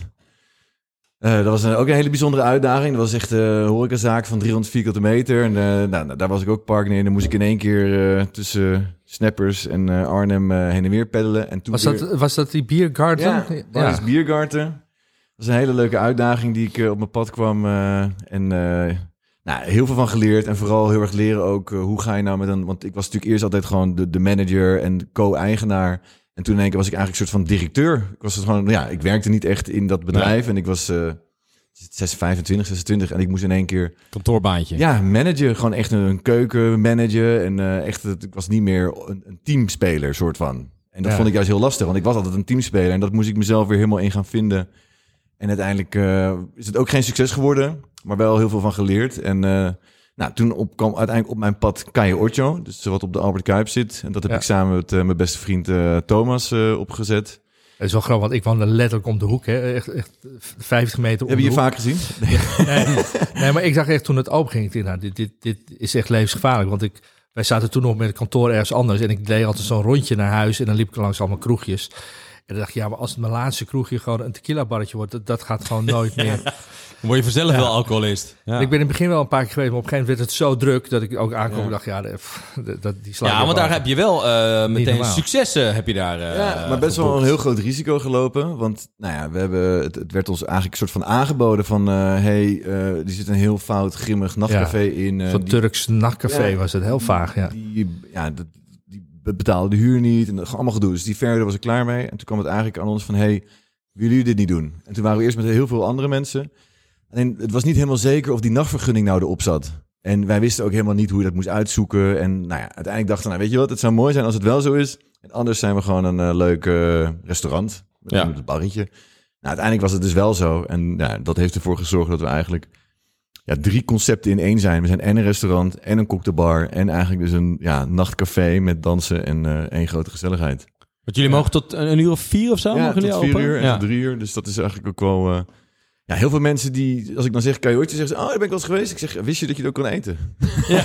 Ja, dan weet ik een beetje welk tijdstip ze zijn gekomen. Maar wat ik wel, wel interessant vind, en dat is ook wel een van die dingen dat ik denk dat eh, eh, best een hoop on, eh, horecaondernemers een beetje mee kunnen nemen, is dat je zegt inderdaad, we deden drie concepten. Dat betekent ook dat je veel langer kan je, je kan veel eerder beginnen met iets en je kan veel langer doorgaan. Precies. Eh, en dat, daar zit natuurlijk wel ook je moneymaker zit daar. Nou, het is vooral ook het risico spreiden. En dat is bijvoorbeeld, eh, nou, gisteren was eh, de dag na Valentijn. En nou, ik fietste door de stad en het was heel rustig in de stad. Ja, En nou ja, gelukkig hadden wij dan nog, bijvoorbeeld, dan was het eten niet per se heel goed qua drukte. Maar de, nou, de, nachtcafé-vibe maakt het dan weer een soort van goed. ja. Soms heb je dat dan het nachtcafé-vibe niet, niet per se heel druk is, maar dan was het restaurant weer heel goed. En als je je eigenlijk focust maar op één moment, ja, is je risico gewoon heel groot. Dus je kan beter Ja. gewoon een concept, want ja, je betaalt huur voor eh, zeven dagen per week, eh 24 uur per dag. Ja. Ja, probeer dan het maximale uit de uren te halen. En dat doen we eigenlijk in al onze bedrijven. Dus ook bijvoorbeeld met de Chin Chin Club zijn we ook niet alleen een discotheek, maar ook en een restaurant. Ja. En een, eh, ja, een bar waar je kan zitten. Dus eigenlijk ook pak je die drie eh, momenten. Eigenlijk op de altijd, dag. dat is wel echt de aanrader om altijd iets te verzinnen om dat voor elkaar te krijgen. Ja, ja. Maar, maar Oscar, weet je, eh, want er, er is nog een lijst met dingen die je gedaan hebt. Lovely. Je hebt festivals gedaan met Chin Chin. En nou, noem het maar op, nu Porify. Waar, waar komt die, die, die drang vandaan om maar steeds eh, iets te beginnen? Ik bedoel, eh, eh, heb je ADHD? Nee, nee, het is eigenlijk best wel rustig. Maar nee, ja, het is, ik, ik heb gewoon dat ik snel herhaling niet heel leuk vind. Dus als dingen hetzelfde zijn, dan word ik altijd, ja, ik weet niet, vind ik gewoon heel snel saai worden. ja. ja. En dan denk ik, nou, laat ik het mezelf weer eens uitdagen. Alleen het probleem is dan, soms daag ik mezelf uit. En dan denk ik, waar ben ik in godsnaam nou weer aan begonnen? en dan Ja. zit ik er weer in en dan krabbel je daar weer uit. En dan, eh, maar ja, dat is wel een soort van eh, mijn... eh, ja, Dat, is, hoe- dat is ook wel leuk natuurlijk. ja, dat maakt het ook wel leuk. Ja, nee, Elke keer wel, wel weer wat het heel nieuws. spannend, maar het zijn, ik doe, het klinkt, ik, ik denk er oprecht wel over na. Het is niet dat ik alleen maar, ik heb ook wel een periode gehad dat we, nou, laten we ook dat doen en laten we dat openen en dat. Nou, die fase ben ik wel echt uit. Ik ben nu wel Ja. heel erg gericht. Oké, goed En nadenken. Ik kan me voorstellen, want we komen zo op Porify. eh, want dat is je laatste eh, ja, avontuur eigenlijk. Eh, maar de Chin Chin Club. eigenlijk vanaf volgens mij het moment dat het open ging, groot succes. Wa- wa- Wat, is eigenlijk, wat was de grootste uitdaging bij de Chin Chin Club toen je het begon? Ik, want een club is nu compleet wat anders dan, dan een horecazaak, cocktailzaak, klein restaurantje of wat dan ook. Ja, nou, het is eigenlijk dat je, dus als je een restaurant hebt, of nou, als je een bar hebt, moet je eigenlijk alleen een barteam eh, managen. En als je een restaurant opent, heb je dan ook het keukenteam erbij. En als je dus een discotheek opent, dan heb je dus de deurhosten erbij, de beveiliging, de toiletdames, de schoonmakers, de gemeente, de DJ's. DJ's, eh, programma, de marketing aan de achterkant. Je hebt in één keer tien afdelingen erbij. En dat is het best wel ja, heel erg schakelen, vond ik. Dat ik dus dan hadden we alles voor elkaar. Maar dan was het weer zo dat de toiletdames, stel de toiletten gratis waren, stiekem een eurotje per persoon vroegen. Ja, en dan heb je dat soort uitdagingen waar je dan elke, ja, toch Damn, weer uit ja. moet komen. Je hebt ze dan weer nodig. Dus het is een soort van een hele rare wereld. En vraagstukken waar je van tevoren niet van denkt dat je daar mee bezig zou moeten zijn. Ja, ik, ik, kom zelf uit de, de, de vak Zuid eh, school. Dat was ook zo'n... Nou, je moest alles kunnen. Je moest er brunchen, lunchen, vergaderen. En dan op eh, donderdag en vrijdag en zaterdag ging het helemaal los met DJ's en noem maar op. En had je in één keer ook portiers aan de deur en toiletdames en noem het allemaal op. Maar ook voor heel veel eh, rottigheid, criminaliteit, dealers binnen. Is dat iets waar je tegenaan loopt? Is dat, is dat, want dat, ja, daarvoor heb je daar nooit zoveel mee te maken meestal.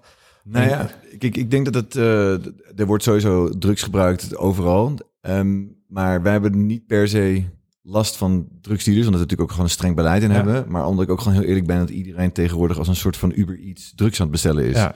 Dus dat gebeurt niet in, Nee. in, in, in discotheken meer. Iedereen door WhatsApp groeps en weet ik het allemaal. Ja. Wat mensen willen, dat doen ze. En Smokkelen ze toch wel mee naar binnen of we nemen het al buiten. ja, we, we fouilleren heel veel. En het is misschien ook nog wel nog een keer een grappig verhaal... dat toen we net open waren, een maand... Nou, je hebt natuurlijk één keer per maand wordt dan de drugskluis geleegd. En wij hadden nou, natuurlijk volle bak, waren we daarmee bezig om iedereen te fouilleren. En helemaal vol trots. Nou, de politie kwam van, hé, hey, we komen hem legen. Dus eh, nou, mijn compagnon, die gaan naar de drugskluis toe. Zij hebben dan de politie die sleutel. En die doet hem open. En hij is gewoon helemaal leeg. ja. Ja, dus hij denkt, hoe, hoe, hoe, hoe kan dit? ja. Nou, het bleek dus dat de klusjesman die nog een maand daar werkte, met een lepel met dubbelzijdig plakband, alle pakjes uit aan het vissen was. dus, nou ja, dat soort dingen heb je dus ook waar je niet Oh. over nadenkt. Ik dacht eerst dat je gaat het verhaal vertellen dat dat soort dingen bij jullie gewoon niet gebeuren. Maar hij nam een, eh, een wending, nam dit verhaal. Ook mooi. Hey, en ehm ehm, met Chin Chin Club, is dat, eh, zijn er nog nieuwe dingen op... eh, ik bedoel, je doen een festival nu, eh volgens Ja. mij elk jaar. Zijn er nog andere ideeën dat je Nee, we denkt, nou... we zijn vooral alles een beetje rustig aan het doen. Ja. Is, we merken gewoon dat, nou, natuurlijk vorig jaar, of twee jaar geleden was natuurlijk de corona, was natuurlijk voor ons heel verschrikkelijk. Als eerste dicht, als laatste open en met de allerraarste tot 12 uur open met 600 man kon wel. En dan om 12 uur moest iedereen weer naar buiten, Ja. want dan kwam corona. En, nou, Meter afstand, allemaal dat dat was één ja. grote gekkigheid. En toen was het in één keer ging alles open. Dus toen was het echt een jaar lang eh, één grote chaos. En iedereen ging door het geluid.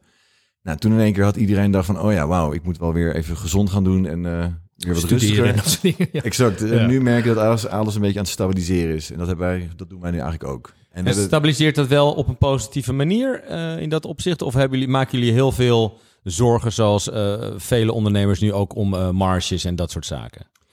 nou, over de marges dat sowieso. Alleen, ja, het is ook een beetje wat het is. Dat is gewoon heel erg het ding. Kijk, eh, we, Ja. hebben, we hebben ook... Iedereen heeft zijn prijzen verhoogd. Dat hebben we ook gedaan. Maar we hebben zelfs daarna weer de prijzen weer een klein beetje verlaagd. Omdat we ook dachten van ja, we, we, we, moeten het niet in één keer als zoals iedereen gek gaan doen en alles maar gaan verhogen. Want dan ga je naar dat hele domino-effect. Ja. Nou, dan neem je gewoon iets minder, maar dan ga je vooral veel meer kijken naar, eh, naar je inkoop en naar je personeel. En gewoon ook weer, dat is toch ook wel weer jam, ja, jammer, maar ook wel weer leuk, is gewoon zelf veel meer doen. Ja, Dus- maar goed, dan, dan, eh, want dan laten we een mooi bruggetje maken. Anders eh, gaan we het natuurlijk ook eh, qua tijd niet eh, eh, redden. Maar dan op een gegeven moment denk je... oké, eh, ehm, ik kijk nu naar mijn onderneming van een klein beetje een afstandje. En ik zie eigenlijk dat de, de kassa's en de inkopen en de dingen... daar zit nogal wat... eh, nou ja, d- daar zit een verschilletje in. Ja, En toen, lag je, toen ging je even naar Mexico om dat Ja. eventjes een beetje te processen allemaal. En toen ineens had je zo'n eh, licht, eh, noem je dat, licht, bulpje, zo'n lampje. bulpje, zo'n lampje boven je hoofd. En in één keer was daar een idee en dat heeft zich uiteindelijk uitgekristalliseerd als Porify. Hoe zit dat en waarom hebben we dat allemaal nodig?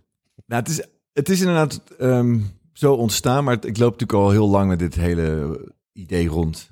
En eh, met deze uitdaging. En ik denk dat elke horeca-ondernemer dit probleem, deze uitdaging heeft.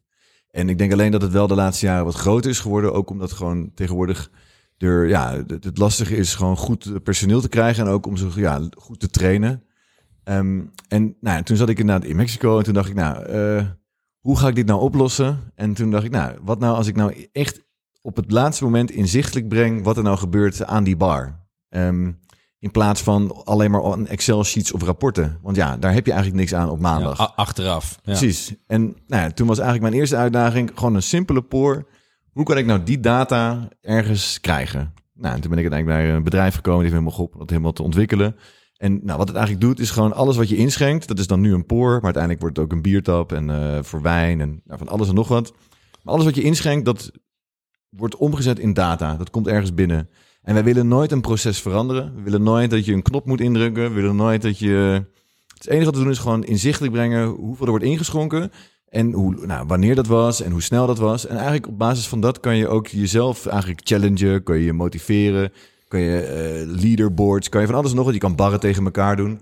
Iets Ja. wat wij eigenlijk bijvoorbeeld vroeger deden in de chapter. Deden wij gewoon de ene bar tegen de ander wie de meeste tequila verkocht. Ja, Ja. dat was gewoon ouderwets. Op een papiertje schreef je gewoon zoveel flessen zijn naar die bar toe. En zoveel flessen zijn er weg. Ja, werkt prima. Werkt prima, maar het is niet voor... Kijk, dat was wij waren gewoon een lekker teampje. Dus ook heel veel tequila in onszelf gegaan. Maar, ja. maar het was wel een soort van een leuke manier. Nou, toen dacht ik, nou, als we nou dat spelelement daaraan gaan toevoegen... en eh, een soort van gesloten systeem maken... waarin nou ja, je ook alles wat je aanslaat en wat je inschenkt... dat dat gelijk wordt. Want dat is vaak een beetje vagig. Soms eh, wordt er iets ingeschonken, maar niet aangeslagen. Maar ja, dat weet je niet of dat nou gedaan is expres... of dat mensen het vergeten zijn. Maar het wordt natuurlijk snel heel grimmig... dat je denkt, oh, eh, iedereen is me aan het nakken. Terwijl dat is misschien helemaal niet zo. Nee. Misschien schenken ze gewoon te veel in, of zijn ze inderdaad gewoon vergeten omdat het heel druk is. Nou, nu kan je dat eindelijk inzichtelijk brengen. In plaats van één keer per maand als je je stok telt. Ja. Ja, dan is het gelijk, oh, mijn personeel, dit en dat. Dat willen wij niet. Wij willen gewoon puur. Ja, want als, als ik even wat, eh, wat, wat eh, data zeg maar, erbij mag pakken, gewoon om een klein beetje een indruk te geven waar dit eigenlijk om gaat, is dat gemiddeld is het zo dat er in de Nederlandse horeca een, een beetje zo rond de 20, 25 procent aan derving eh, bestaat. Dus dat betekent eigenlijk dat hetgene wat je hebt ingekocht, dat dat aan het eind van het jaar er simpelweg niet meer is. En eh, niemand weet ook waar het is. Dat, dat is ook een beetje zo'n eh, situatie. Ja, en dan moet je denken, het kan eh, of weggegeven worden, eh, het kan zelf opgedronken worden, het kan op de grond vallen, het kan verkeerd geleverd zijn, het kan weggegooid worden. Kan van alles zijn. Hè?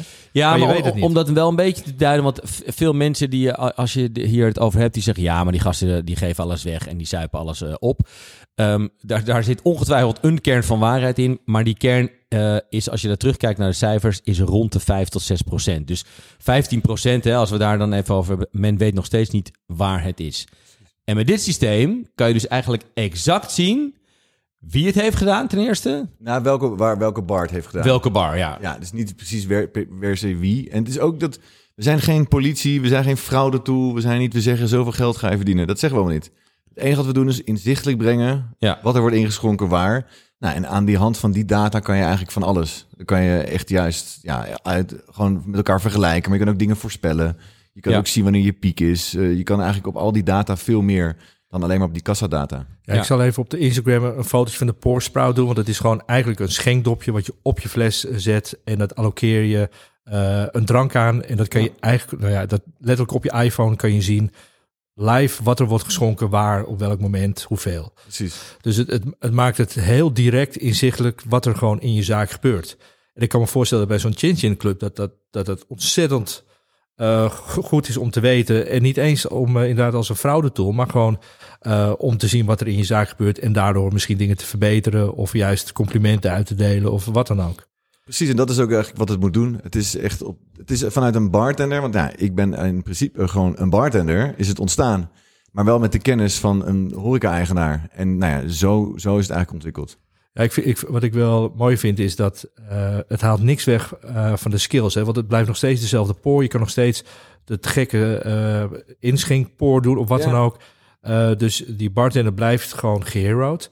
Eh, en tegenover, want er zijn ook andere systemen die je kan gebruiken. Drukknopjes, Ja. kliksystemen. Waar je eigenlijk die bartender reduceert tot iemand die een knopje indrukt. En daardoor alle trots weghaalt of betrokkenheid Ja. of wat dan ook. En dat heeft ook zijn weerslag natuurlijk weer op ja, eh, het geluk eh, wat mensen hebben achter de bar of uit hun werk halen. En hetzelfde natuurlijk met die, eh nou, hebt natuurlijk heel erg een trend nu om ready-to-drink cocktails en van alles en nog wat. Nou ja, dat is natuurlijk wat, wat, want ja, hoe, hoe probeert de markt zich nu te, ja, op te lossen dat mensen niet meer, ze zijn bang van, nou, er zijn niet genoeg cocktailshakers. Nou, weet je wat, laten we wat doen? Laten we gewoon alles in een blikje doen en dan alleen maar ijs erbij en shaken. Terwijl wij zoiets hebben, nee, laten we dat niet doen. Laten we juist op basis van data je team wat je hebt beter maken. Ja, ja en wij- doen natuurlijk veel met educatie. Dus toen wij die poor zagen en een beetje uitlegden, ging bij ons allemaal lampjes aan van ja, maar dit is als educatietool is dit geweldig. Want je kan gewoon live precies zien wat mensen doen. Je kan de verbetering inzichtelijk maken. Eh, en dat is zo waardevol voor eh, mensen hun ontwikkeling. En wij geloven heel erg in dat je bartenders inderdaad eh, een pad moet bieden en zorgen dat ze morgen beter doen dan vandaag. En dat dat ook enorm motiveert om te verbeteren en om je best te doen. Eh, maar dat, dat maakt jou wel een soort hele sociale ondernemer eigenlijk. Wat je net ook zei, je doet de prijs omlaag. Nou, ik heb nog nooit een ondernemer ontmoet die de prijs omlaag deed. Maar dat gaat allemaal wel voor een soort sociale Nou ja, en, insteek of zo. en ook wel continuïteit en groei. Ik bedoel, Ja. je mo- moet niet eh, alleen maar eh, aan jezelf denken, maar je moet ook, nou ja, en dat is wel oprecht de allereerste les die ik ooit toch in die 6,5 jaar hotelschool, de triangle of happiness. Je moet dat de eigenaren blij zijn, eh, je personeel moet blij zijn en je, je customers, je, Ja, je gasten. Ja. En het is niet als de eigenaren, weet je, het is allemaal 33,3 procent. Als de eigenaren heel blij zijn, eh, dan is een van die twee anderen niet blij. Het kan zomaar zijn. En als die helemaal Ja. scheef is, ja, dan gaat het verkeerd. En dat is heel erg hoe, ja, hoe wij denken. Maar denk je niet dat, eh, kijk, je bent ook een jonge gast, een jonge ondernemer, maar denk je niet dat heel veel ondernemers, horecaondernemers, op een gegeven moment best wel cynisch worden? Weet je wat de Ja. Veller ook zegt? eh, als er iets mist, dan zal het wel gestolen zijn Ja. of weggegeven zijn. Zeker. Het is altijd de schuld van het personeel. En dan krijg je die triangle werkt eigenlijk andersom ook. Weet je? Dan is iedereen unhappy op een gegeven Ja. moment. Nee, dat, hebben wij, Eh. dat, dat wij merken, dat is natuurlijk de constante game waar je in zit. Ja. En ik probeer dat eigenlijk met dit product weg te halen. Ja. Er is namelijk geen kans meer om eh, onduidelijkheid te creëren. Dit is gewoon een de standaard. Dus nou ja, dat je dus eh, gewoon ziet wat er gebeurt en dat je daarop kan sturen. En, en heel concreet, hè? dus eh, ik, ik heb een eh, onderneming. ik denk, hé, nou, dat klinkt interessant. Ehm, dan moet ik die, dat Porify, moet ik dat kopen? Moet ik een abonnement afnemen? Nee. Moet ik een, Nee, je koopt gewoon eigenlijk de poors, net zoals een normale poor. En nou, ook, alleen je betaalt per maand 50 euro voor de service. Dus voor de, ja, de server, dat wij dat kunnen, dat de web er is. Ja. En eh, als je denkt, Porify, zoek het uit. Nou, dan, doe je, dan stop je ermee en dan gebruik je die poors gewoon als poor. ja, dat is eigenlijk het enige wat... eh, want ja, wij hebben ook zoiets... Het, het, het moet juist voor het kroegje op de hoek zijn. Niet alleen voor de, de Chin clubs en de, de grote discotheken... maar juist ook voor de kleinere kroegen, zoals ik ooit ben begonnen. En ja, ja dus, en dan ben je voor, eigenlijk voor een paar honderd euro klaar. Ja. Nou ja, ik heb vroeger met, een, met dat ringensysteem gewerkt, met klik en zo. Ik geloof dat die ringen alleen al gewoon 45 euro kosten. En dat hele eh, gedoe erachter. En als het dan eh, niet werkte, dan konden we ook niks schenken. Weet je, dat gebeurde ook regelmatig, liep het vast. Eh, maar dat zijn investeringen, dat gaat om tienduizenden Ja. euro's. Nee, en dat was ook de uitdaging. Want kijk, we zijn natuurlijk niet de allereerste die eh, meet wat hij inschenkt. Alleen we zijn de allereerste die het heel erg betaalbaar maken. Ja. Dus die eigenlijk gewoon... En daarnaast het ook leuk maken. In plaats van een saaie Excel-sheet en eh, oké, nou foei. Nee, wij maken alleen maar gewoon... Dit gebeurt er in je bedrijf. eh, en dit eh, woord kan je gebruiken om challenges onderling te doen. Want ja, wij denken ook dat... Ik zou heel graag, weet je, ons personeel bonussen willen geven. eh, dat ze echt kunnen gemotiveerd worden. Alleen moet het wel op data die kloppend is. Want ja, misschien wordt die omzet wel behaald door dit en dit en dit te doen. Ja. Nou, nu Ja. haal je eigenlijk dat randje ervan af. En nu is het gewoon...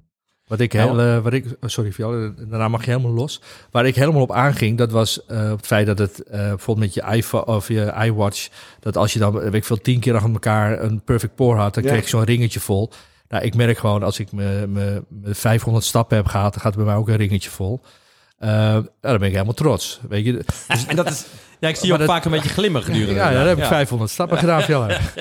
Ook mooi. Ja, en dat is natuurlijk wel wat het, het nu is. Dat is de, nou ja, dat heet dan gamification als Ja. een mooi woord. En dat is gewoon dat je door spelelementen gemotiveerd wordt. En dat is wel, ja, wat wij allemaal ook fijn vinden. En ook wij eh, volwassen mannen ook toch door Ja. zo'n klein stom ringetje met, Ja. toch het helpt. En, nou ja. En, en een pling. Nou ja, kijk, e- een van de dingen waar ik eh, natuurlijk heel veel mee te maken heb, eh, gaat natuurlijk over snelheid. De, de, de barren die we verkopen, de, de mensen die we daar eh, advies over geven.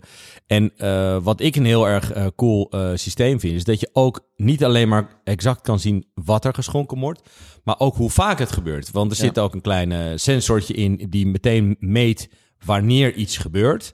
Dus uiteindelijk kan je ook eh verrekte goed inzichtelijk maken hoeveel schenkbewegingen eigenlijk een bartender heeft.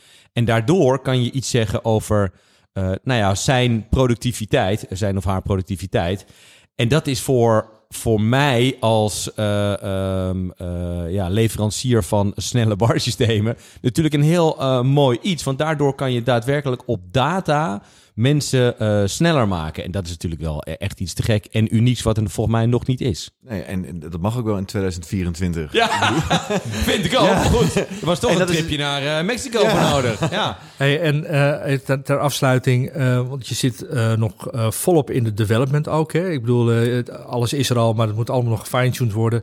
Eh, wanneer ga je het lanceren? Wanneer eh, denk je, nou, dan zijn de eerste Ja. rollen van de band. Nee, dus in juni is de eerste batch helemaal binnen. Ja. We zijn eigenlijk nu, aankomende fase, gaan we er eigenlijk weer, eh, nou, gaan we de 100 eh, in barren testen. En dan gaan we er eh, 500 in barren testen. Je bent al een tijdje bezig, hè? Ja. dus het is niet... We zijn, er- we zijn er al twee jaar mee Ja. bezig. En nu willen we eigenlijk, want ja, we hebben het dan getest eh, door de engineers. We hebben nu hun poors helemaal eh, in kaart en hoe dat allemaal gaat. Ja. En nu moet het echt gaan veldtesten. Want ja, we, we, we merkten bijvoorbeeld dat het batterijtje wat erin zat, nou, dat was gewoon gekocht eh, bij de blokker. En toen ging ik een bat- batterijtje halen. Dat zijn gewoon die horlogebatterijtjes. Die had ik gehaald bij de Action. Dat daar 1 tiende millimeter verschil in zat.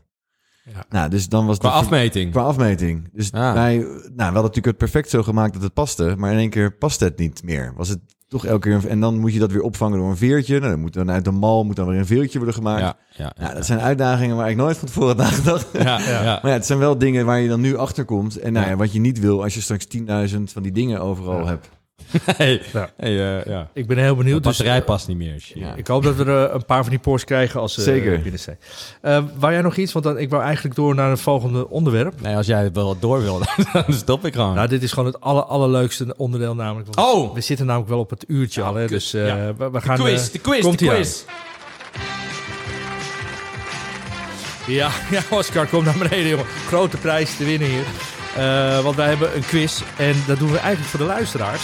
Maar ook een beetje voor jou en Ja. ook een beetje naar elkaar. Dus ik heb Ja. een aantal vragen. Fjalle heeft een aantal Ik heb vragen. hele makkelijke, maar misschien ook eh, een paar moeilijke. Ja, en dan wachten we altijd even met het antwoord eh, uitroepen. Want eh, ja, de bartenders doen natuurlijk mee en die, die willen dat ook natuurlijk als eerste roepen. Dus ga jij beginnen, Fjaller? Is dat, is dat ja. leuk, ja? Ja, is goed. Hoe heet de master distiller van Ocho Tequila? Oh, nou, die moet jij weten. En, en, en eh, ik geef een klein hintje nog erbij. Iets, iets met Gonzales, denk ik. Nee, nee, nee, nee, nee. Hij is ook een beetje het brein achter eh, merken zoals Tapatio, El Tescorno eh, en eh Ik weet, wel de, ik weet wel de distillerij, maar ik weet niet of hij de master distiller is. Maar ik weet wel dat is de Camarena Brothers. Maar ik Ca- wist niet- Carlos. ja, maar ik Carlos wist niet dat Camarena. hij ook de master distiller was. Want volgens mij... Ja, ja. nou, tenminste, dat, eh, dat dat, stond dat, online. dat stond eh, op, op het wereldwijde web. Google, ja. Oké, nou ja, heb jij een punt? Ja? Ja. Nou, nu is een heel makkelijke. We hebben het er al eventjes over eh, gehad. Eh, ik, ik dacht, ik vraag in eh, 1976 opent ene Thomas Estes een restaurant in Amsterdam. Hoe heette dit restaurant? Ja, dat is in de Warmoestraat, Ja, toch? maar Eh, eh, hij zei het net. Ja. Ja, ja, Ah, oh, lekker, dit is lekker. Ja, Ja. Eh, ja. Oh. Het heeft ook een naam van een biertje. ja. eh, En eh, Thomas eh, is erin verwekt. ja.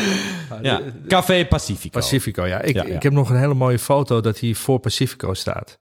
Eh, Thomas. Dat is echt, dan is hij nog een soort hippie. eh, nou ja. In ieder geval. Oké, en ja. en eh, eh, hoeveel van deze eh, restaurants, Café Pacifico's, eh, waren er op de hoogtijdagen? Nou, best wel een aantal. Vier, vijf uit mijn hoofd.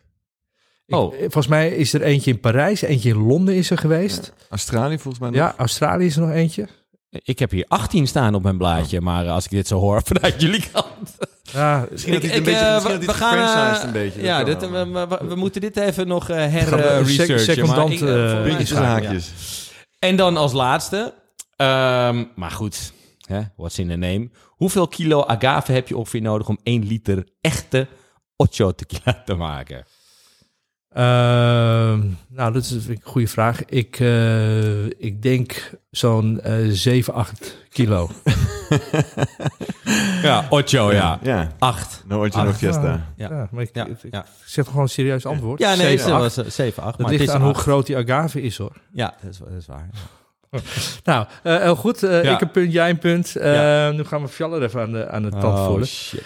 Eh, ik heb het ook toevallig over eh, tequila. Ehm, Ja, nee, dat is, een, dat is een worm. Nee, dat is eigenlijk een larf, is het Als, nee, die vraag is Oh. niet. Ehm, de, de Azteken, de Inca's, de Maya's, eh, dat is allemaal de, de originele bewoners. Ja, maakt ook chocola veel. Ja, die maken veel chocola. Ja. En eh zij maakten ook een goedje van eh, de agave. Poelke, poelke. Ja, poelke. Wacht nou even. De, Oh. de deelnemers die moeten ook... eh, Oh, Oké, poelke. Was Ehm, dat het antwoord? Nee, ja, ja, dat was het antwoord. Maar eh, op een gegeven moment eh, kwam er een bepaald volk richting Mexico. En die hebben het fermentatieproces meegebracht. Wie waren dat? Oeh. Nou ja, dat moet een eh, smerig volk geweest zijn. dan, dan gaat iets fermenteren pas. Nee. Nee, het gaat Nee. over het, het distillatieproces, sorry. Oh, het distillatieproces. Oh, dat, dat, eh, dat- ik, denk dat? ik denk dat het eh, Spanjaarden waren. Ja, zijn Ja, dat waren de Spanjaarden. Ja, weet, je, weet je ook ongeveer wanneer? Eh, eh, op dinsdag vaak. Die kwamen vaak op Ja, dinsdag. dat is niet goed. Nee, eh, ik, denk, ik denk 15, 15, 23. Ja, in de buurt, 15, 19.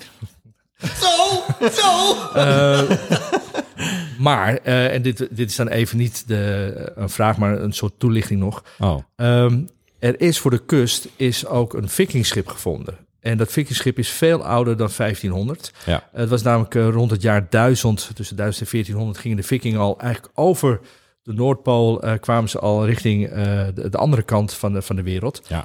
Ehm, en die brachten ook met zich mee aan boord distillatiemethodes. Ja, dus zij hadden Aquavit hadden we nog bij de, de Ja. Aquavit Fokcutter. Nee, de, de Viking Fokcutter hadden we vorige week. Ja, ook. Eh, maar dat wou ik niet vertellen. Ik Nee. wou vertellen dat er aan boord van die vikingschepen al distillatiekolommetjes waren. Ja. Nou, wat is dan de conclusie? Dat misschien niet de Spanjaarden dus eigenlijk tequila hebben ontdekt of gemaakt. Maar de vikingen. Maar dat de vikingen eerst waren. Eh, nou, dan in 1600 komt de eerste grote distillerij. In 1758 komt de eerste commerciële distillerij. Eh, en dan wordt het ook naar het buitenland geëxporteerd. Hmm. Maar het kan dus zomaar zijn dat de, de, de, de vikingen, de Noormannen, eh, eerder waren dan de Spanjaarden. En dus tequila hebben gemaakt. Ja, nou, Nou, dat is een leuk gesprek voor als je aan de bar zit en tequila drinkt, bijvoorbeeld. Eh, vikingen. ja. Arr.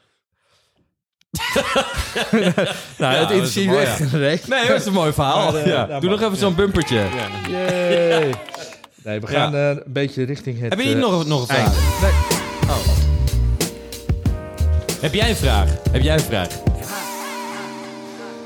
Nee, maar we hebben nog wel één laatste onderwerp.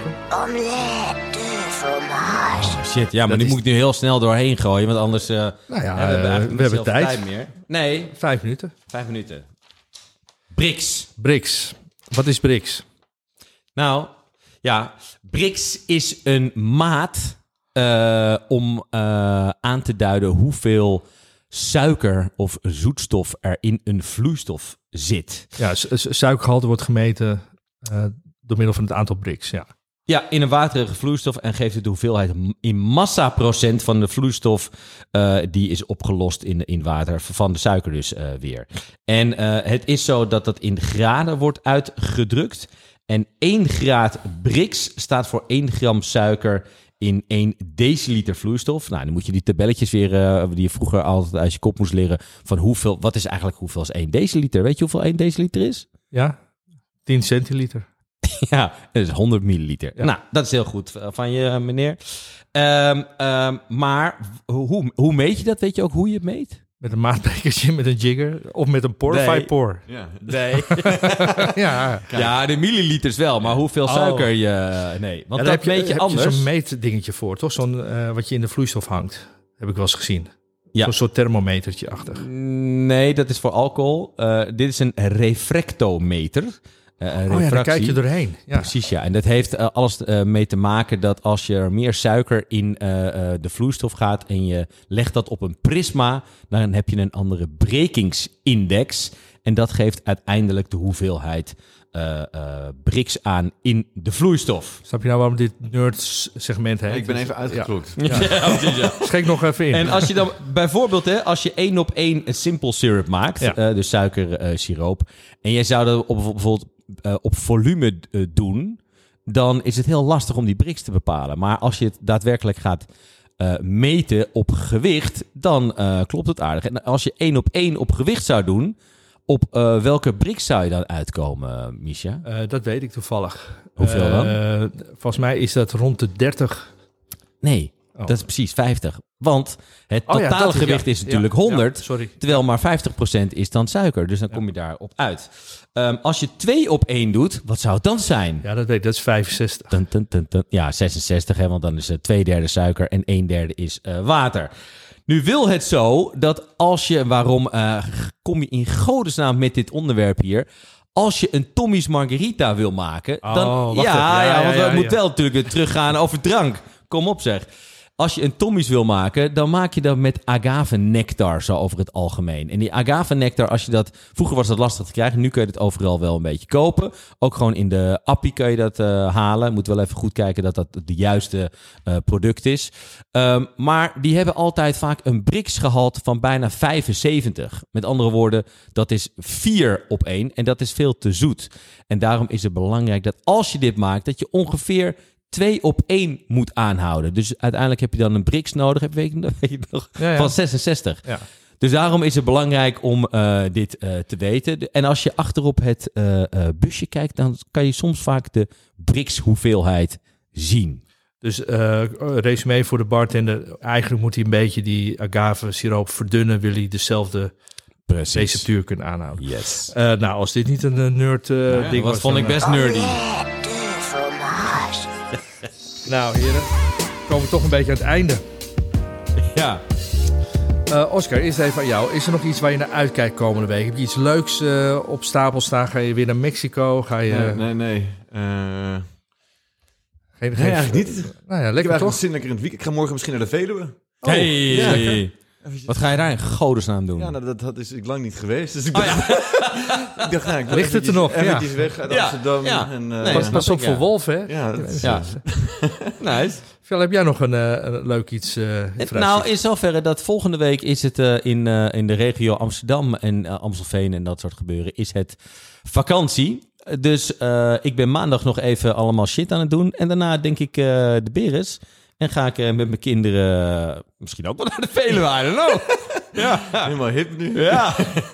Wolvenkoekeloeren. Ik ga, do- ik ga donderdag naar eh Rotje Knor, naar Rotterdam. Eh Ga Ja. ik Margarita Day vieren bij Oh ja. eh, David Tramp in zijn zaak. eh Oh, ja, dit is meer in het thema van deze podcast. ja. En dan Ja. weer een dag later gaan we naar Groningen. En dan Oh ja. eh, zitten we in- natuurlijk bij de, de Boilermakers. Ehm, en over twee weken hebben we eh Michters hier. Dat is ook, daar kijk ik ook wel naar uit. Ja, En er is nog één laatste ding wat we moeten doen. Eh, dat is ons eh, Rad van Fortuin, het letterlijke Oh Rad ja, van Fortuin. Dat staat ja. achter je. Daar hebben we allemaal cocktails opgeschreven. En de cocktail die straks bovenaan stilstaat, die gaan we dan volgende keer behandelen. Ik zie de flip staan. Ik, zie, ik zal een zal, foto. zal ik even? Zal ik even? Ja, doe jij eens een, een flinke sweeper. geef er eens een sweeper aan, Goud. Ik ben heel benieuwd. Ehm, wat is het? De, de punch. De punch. Oh, dat is wel leuk eigenlijk. De punch. De punch. Nou, die gaan we volgende keer eh, behandelen. Alrighty. Is er nog een... eh, wil jij nog iets kwijt? Eh, wil je nog de ik groeten doen het- naar je nee, moeder? Of, ja, eh? nee, dat, dat is eh, sowieso. Nee, ik vond het Ja. echt superleuk. En eh dankjewel. En eh, nou, hopelijk tot eh, over eh, een, een tijdje. En dan hoop ik meer te vertellen over alle avonturen waar we dan Met Porify, zitten. ja. Ja, ik eh, straks horen jullie nog eh, even dat, dat stukje over, eh over Fallon met zijn, eh met Oh, zijn ja. song. Daar eindigen we Jim. mee. Die Jim. Jim Fallon. En die... eh, Piet. Piet Piet Fallon. Fallon, die, die gaat iets doen, dus dat hoor je zo. Ja. Superleuk dat je er was, Oscar. Wij gaan nog even een drankje drinken. Eh, ik, vond, ik vond het ook heel leuk dat jij er was, Goud. Want jammer dat jij er was Weer recalcitrant als altijd. Eh, tot de volgende keer. Dag. I drink and I know things. We're cool bartenders, so patches and suspenders. And when it comes to being hip, we are repeat offenders. Candied lemon, twist of lime, peppercorns, a sprig of thyme, lavender, curacao. You'll drink it up and be like, wow. Take some bourbon, take some mint, simple syrup, add it in, pour it in a julep cup. That'll cost you 50 bucks. We're cool bartenders, so patches and suspenders. Ernest Hemingway quotes in the bios of our tenders. If you want it on the rocks, we've got you covered, dude. Our ice comes only in two sizes, crushed or giant cube. We forgot to mention, you can't get our attention.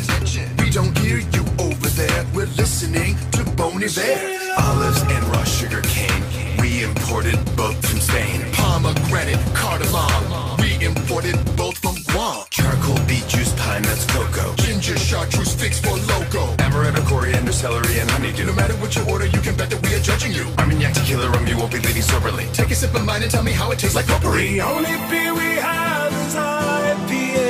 Pale ale. The only beer we have is IPA. This one's pumpkin. No pilsners, no stouts. That's not what we're about. Tastes bad. No lagers, no porters. We control your borders. You want an old fashioned? We'll make it new. Want a margarita? We'll make it blue. Dry martini? We'll make it wet one you'll be in debt. We're cool bartenders, so patches and suspenders. It's closing time for this song, and this line is our ender.